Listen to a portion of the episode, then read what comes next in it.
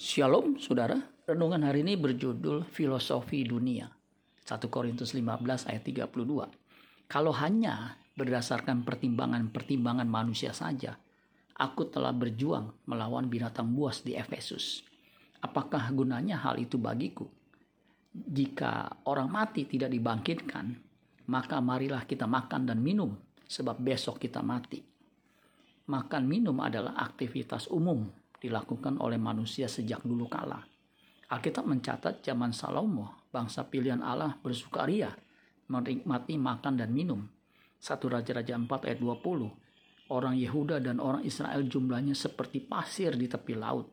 Mereka makan dan minum serta bersukaria.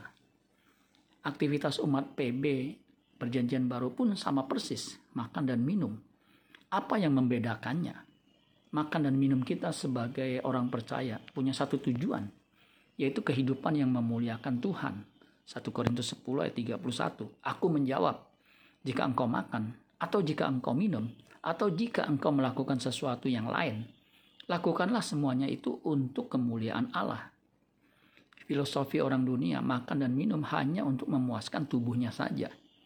Padahal manusia adalah makhluk kekal, berbeda dengan binatang Binatang makan minum kemudian mati, tidak ada kelanjutannya di kekekalan. Kehidupan kekal di LB3, langit baru dan bumi baru, ditentukan ketika kita hidup di bumi. Jika kita membangun hubungan dengan Tuhan sewaktu hidup di bumi, maka akan berlanjut di kekekalan.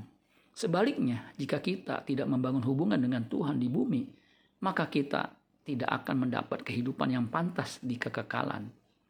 Seperti kisah orang kaya yang setiap hari bersukaria dalam kemewahan, tapi lupa akan Tuhan.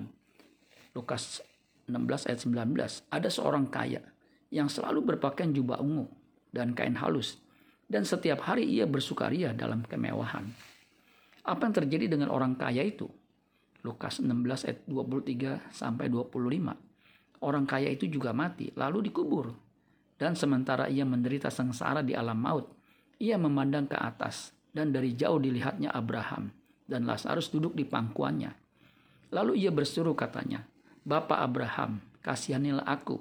Suruhlah Lazarus supaya ia mencelupkan ujung jarinya ke dalam air dan menyejukkan lidahku, sebab aku sangat kesakitan dalam nyala api ini. Tetapi Abraham berkata, Anak, ingatlah bahwa engkau telah menerima segala yang baik sewaktu hidupmu, sedangkan Lazarus segala yang buruk sekarang ia mendapat hiburan dan engkau sangat menderita. Apa filosofi Anda sewaktu hidup di bumi? Apakah hanya makan dan minum besok mati? Amin buat firman Tuhan. Tuhan Yesus memberkati. Sola Gracia.